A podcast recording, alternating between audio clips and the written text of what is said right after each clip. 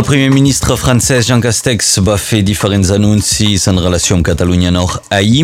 Va anunciar la creació d'un nou palau de justícia a Perpinyà i també va dir que es tornava a engegar la línia de tren de mercaderies entre Perpinyà i el mercat de Rangis.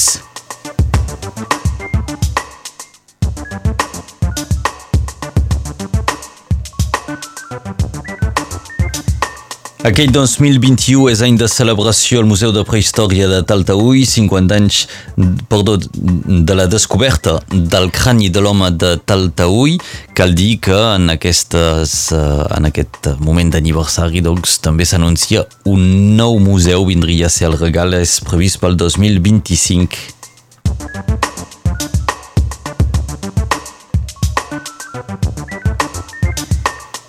I veurem que la situació sanitària sembla millorar també a Catalunya Sud, per això es tornaran a obrir els locals d'oci nocturn.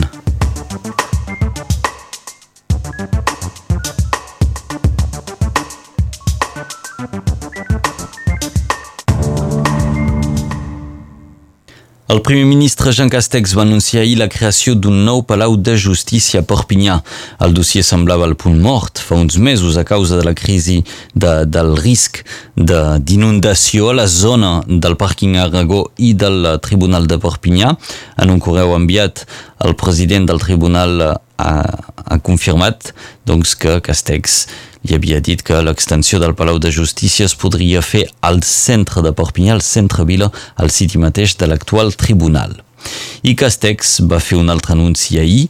El primer ministre, juntament amb el ministre de Transports, va assegurar que la línia de tren de mercaderies entre Perpinyà i el mercat de Rangis, a l'Ia de França, podria tornar a funcionar a l'octubre. El tren de mercaderies va deixar de circular l'any 2019 a causa del mal estat dels 80 vagons frigorífics i també a causa del cost demanat per la SNCF per renovar-los. Castex ha posat un argument mediambiental per llançar el tren Perpinyà-Rangis. Aquesta línia permet transportar cada any unes 400.000 tones de fruites i verdures de la, des de la seva interrupció. Aquest, aquestes mercaderies han passat a ser distribuïdes per carretera amb uns 80 camions que generen, doncs, evidentment, més pol·lució. La Covid-19 va fer una nova víctima i a l'Hospital de Perpinyà. Des de l'inici de l'epidèmia han mort 404 persones a Catalunya Nord.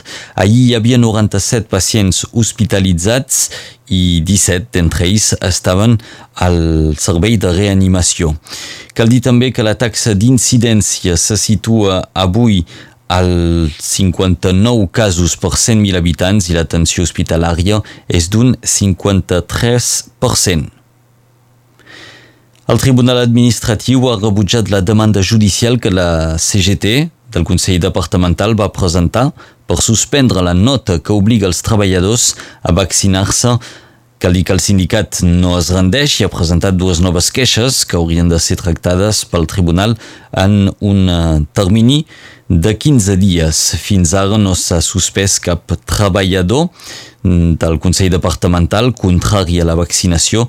De moment, tots estan en de baixa, de baixa laboral o de vacances. La crisi sanitària haurà estat marcada per alts i baixos al Museu de Prehistòria de Taltaúi.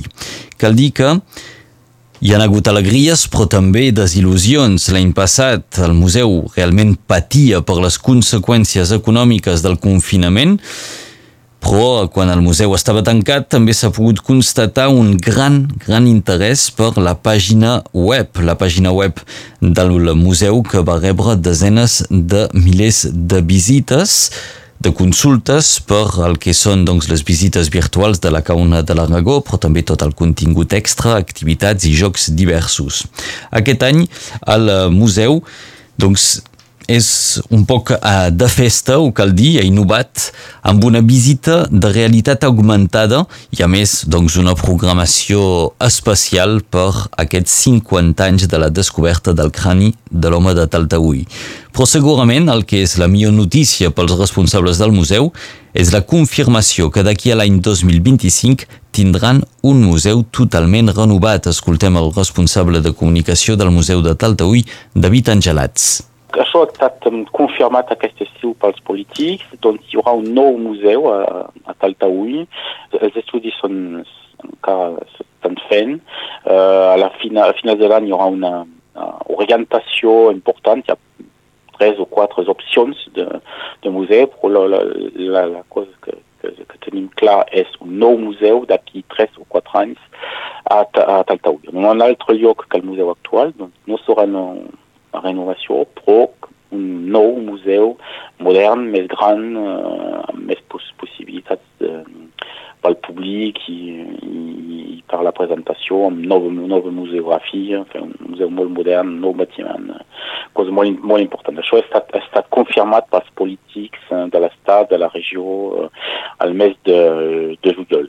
És exactament el que ha estat uh, que els polítics han dit que Taltaús necessitava un museu al nivell de la, de la renomada mundial que tenia la, la cova.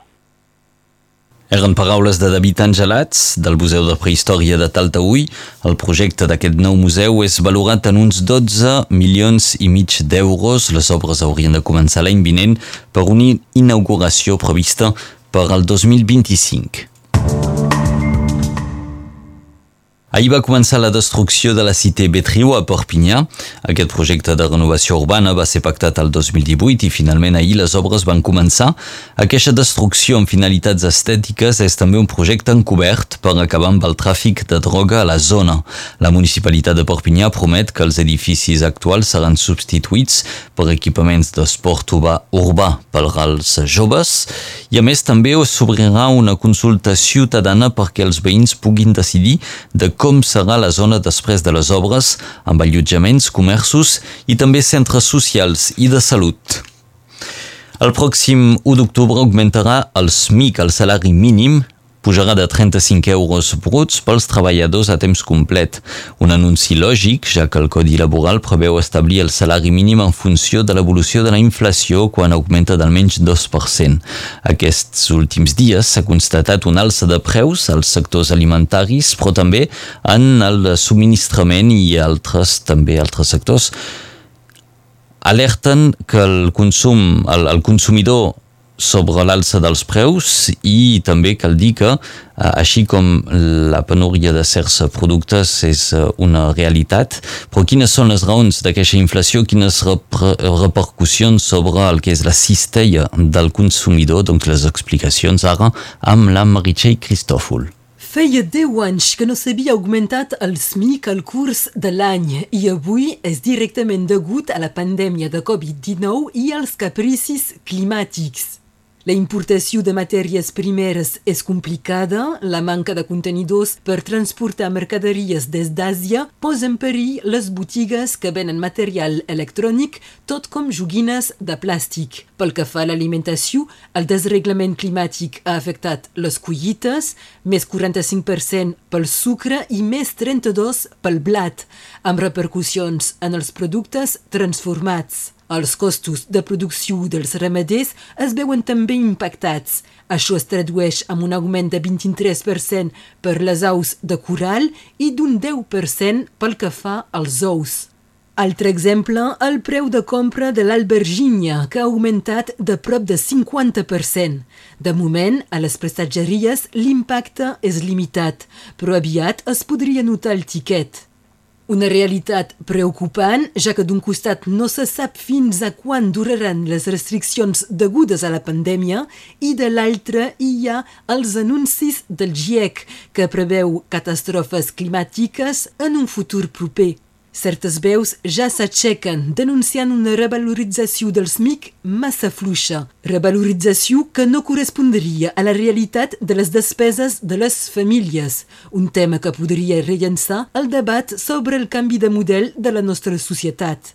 A l'estat francès, quasi 9 milions de persones viuen sota el llindar de pobresa. Moltes gràcies, Meritxell Cristòfol. Ara parlem d'informació sud-catalana. I és que a Catalunya Sud els locals d'oci nocturn, com ara les discoteques, podran reobrir a partir de la mitjanit del dimecres a dijous, però només els espais a l'exterior i fins a les 3 de la matinada. Els espais interiors podrien obrir a partir del 15 d'octubre si la situació sanitària ho permet. L'obertura justifica per una millora en les indicacions sanitàries de la pandèmia. La Generalitat ha pres aquesta mesura, entre altres coses, per frenar, per limitar les concentracions de joves a les nits que es reuneixen per fer festa a l'espai públic. A les Illes Canàries, el volcà de l'Illa de la Palma segueix en erupció. La lava ja ha engolit un centenar de cases i ara ja ha arribat fins al mar. El govern canari ha alertat que l'arribada al mar pot generar explosions i emissions de gasos nocius i ha anunciat un reforç dels dispositius de seguretat. Fins ara l'erupció volcànica no ha fet cap víctima, però els danys materials i naturals són immensos. Des d'aquell diumenge s'han evacuat 5.500 persones. Els esports i el Barça, que està passant per un moment complicat. Ahir l'equip blaugrana va poder salvar un punt davant del Granada gràcies a un gol d'Araujo al minut 90 de joc. Però cal dir que el Granada es va avançar al marcador molt aviat al minut 2 i el Barça haurà estat incapaç durant tot el maig d'intentar igualar aquest resultat fins al minut 90, com ho dèiem. El Barça és actualment setè de la Lliga amb un partit menys.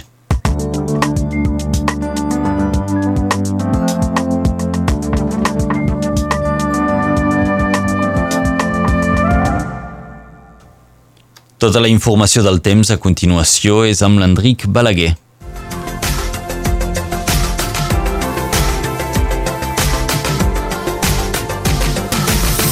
Tenim avui un cel bastant obert, amb clarianes amples degut a la tramuntana que era de vacances durant aquest estiu i que torna per comprovar-nos que ja estem a la tardor es formaran núvols no gaire dolents, però que poden deixar escapar alguns ruixats del banc del Conflent, del Vallespí, de la Cerdanya i del Capcí. A les altres zones és la tramuntana que es compra tot. Encara que potser pot caure algunes gotes cap a la Salanca o les Corberes al capvespre. La temperatura baixa una mica encara cada dia. 12 a Formiguera, 16 a Angostrina, 19 a Vilafranca de Conflent, 21 a Rigardà i Cameles, 22 al Bolú, 17 a Montferrer, 23 a Argelès de la Marenda, 22 a Bau, 23 a Clairà, 21 a Òpol, 20 a l'esquerda. El sol es pondrà al vilatge dels Aragó 9 minuts abans de les 8 del vespre. El 21 de setembre de 1879 s'inaugura l'estatua de Francesc Aragó per Jules Ferry sota el signe de l'anticlericalisme. 20.000 persones entusiastes surten pel carrer. Jules Ferry era acompanyat del ministre Paul Bert. L'estatua és l'obra de l'escultor Antonin Lercier. A Sabadell, el 21 de setembre de 1919, neix Teresa Soler, més coneguda com Teresa Rebull.